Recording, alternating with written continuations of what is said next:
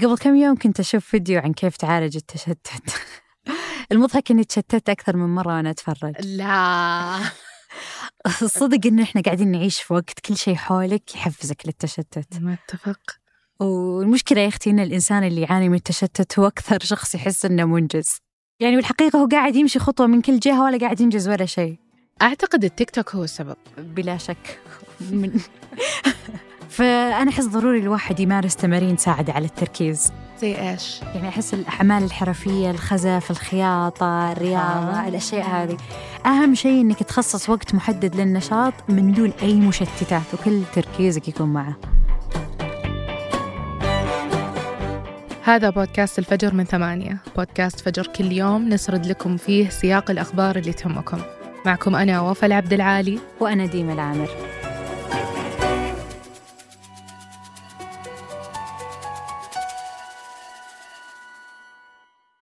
قهوة الصباح وأجود محاصيل البن المختص تلاقيها في خطوة جمل. اعرف أقرب فرع لك من الرابط في وصف الحلقة.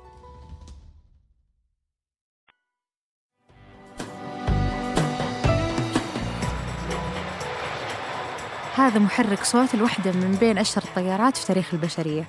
طائرة بوينغ 747 والمعروفة باسم ملكة الأجواء أو جمبو جت وهي الطيارة اللي احتفلت شركة بوينغ الأمريكية قبل يومين بتسليم آخر نسخة منها من خط الإنتاج لصالح شركة أطلس للطيران.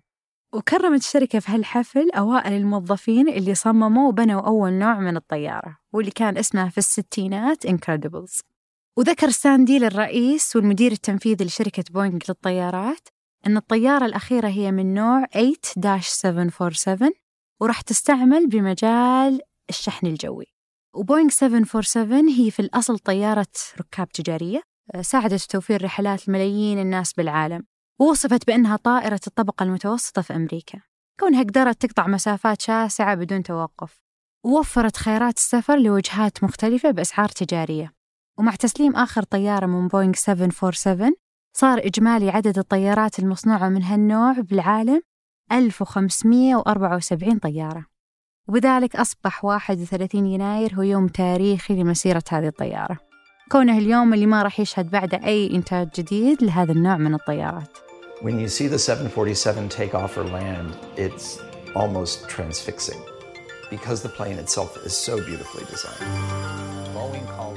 لما تقلع طيارة بوينغ 747 مو من السهل إنك تحسين بحركتها رغم حجمها الضخم ومحركاتها الأربع القوية. فهي تتسم بالمرونة والسرعة في اختراق الأجواء وهذه ميزة رئيسية في النوع من الطيارات. وبدأ إنتاج هذه الطيارات في 1967 وتاريخيا أقلعت أول طيارة من هالنوع في 1969 بعد فترة تطوير وبناء استمرت ل 29 شهر. وتبلغ سعة الطيارة هذه تقريبا ضعف سعة الطيارات وقتها وتستوعب أكثر من 600 راكب. عدد القطع المركبة لصناعة هذه الطيارة يوضح لك حجمها وضخامتها. في النسخة الأخيرة من طيارة بوينغ 747 واللي سلمت قبل كم يوم تتكون من ستة ملايين قطعة.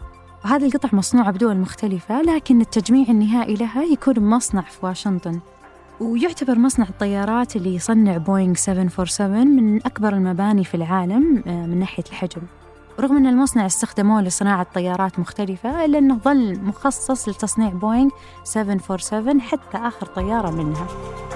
طيب وش اللي بيميز ذا الطيارة عن غيرها؟ تصميم الشكل فتتميز بأنها أول طيارة بممرين في العالم. وحاولت الشركة من خلال التصميمات الأولية أنها تنتج طيارة بطابقين.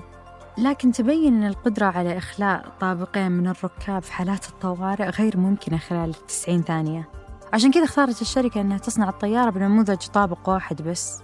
وحطت تعديلات إضافية بطلب من الشركات بحيث أنها تقدر تجمع بين خدمة الشحن الجوي ونقل الركاب مع بعض. ولتنفيذ هالميزة حاول المصممين أنهم يرفعون من مقدمة الطيارة بحيث تقدر تحمل البضائع بسهولة.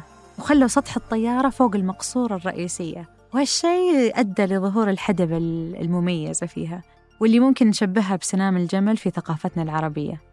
وهالتصميم الفريد آه، دفع بعض المطارات أنها تعمل تعديلات في بنيتها التحتية عشان تواكب حجم هذه الطيارة. وبرضو عدد الركاب اللي ممكن ينزلون منها في كل رحلة.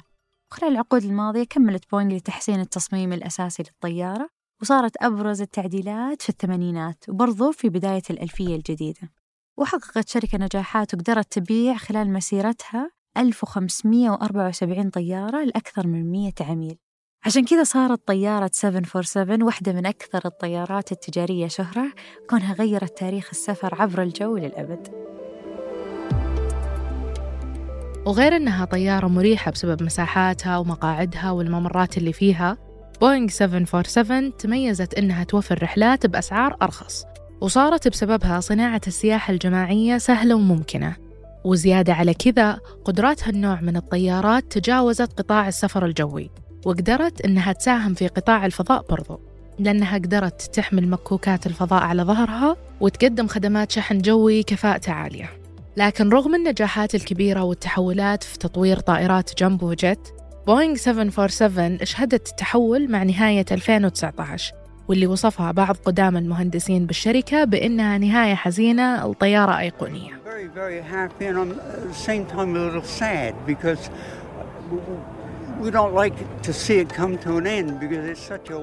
أزمة كورونا سرعت من نهاية هالطيارات العملاقة خصوصا بعد ما تعطلت حركة الطيران المدني بشكل شبه كلي رغم استمرار قطاع الشحن. والسبب ورا كذا أن هالطيارات صارت مكلفة لميزانيات شركات الطيران اللي تحاول أنها تخفف من مصاريفها التشغيلية. خصوصا بعد ارتفاع تكلفة وقود الطيارات وتراجع الحركة السياحية. وهالشيء تزامن مع ظهور منافسة قوية من الطيارات الصغيرة اللي ممكن تخفض تكاليف الوقود والتشغيل وتقدم خدمات نقل مميزة ورخيصة. ولذلك قررت شركات مثل بوينغ وإيرباص إنها توقف إنتاج طياراتها العملاقة خصوصا الفئات الكبيرة من الطيارات واللي من بينها بوينغ 747 وإيرباص A380 شركات الطيران بدول العالم أعلنت تدريجيا أنها بتوقف أساطيل الطيران حقتها اللي من هالنوع للتقاعد. وبعد ما طلعت آخر طيارة من بوينغ 747 من خط الإنتاج قبل يومين شركة بوينغ أنهت مسيرة نصف قرن من إنتاج هالنوع من الطيارات. واللي الخبراء يقولون عنها بأنها واحدة من بين أهم عشرة طيارات بنوها عبر تاريخ البشرية. وقبل ننهي الحلقة هذه توصيات لنهاية الأسبوع. في نتفليكس يعرض وثائقي Challenger The Final Flight اللي يحكي بأربع أجزاء قصة كارثة مكوك الفضاء تشالنجر اللي انفجر في 1986 بعد ما أطلقوه بأقل من دقيقتين واللي بسببه توقفت عمليات ناسا بالفضاء ل 32 شهر وكان نقطة تحول في برنامجها لاستكشاف الفضاء إلى اليوم.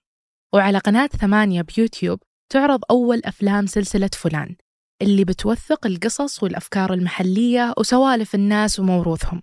والفيلم الأول لفلان اللي هو اسمه فنجال الشمال يزور حايل ويعرض قصص أهلها عن الكوى وارتباطهم فيها.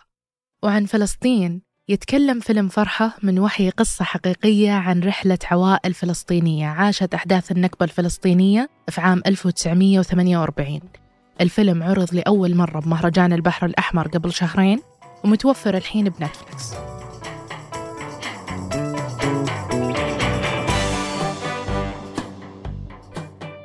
أنتج هذه الحلقة وراجعها تركي البلوشي وقدمتها أنا وفاء العبد العالي. ونديم العامر.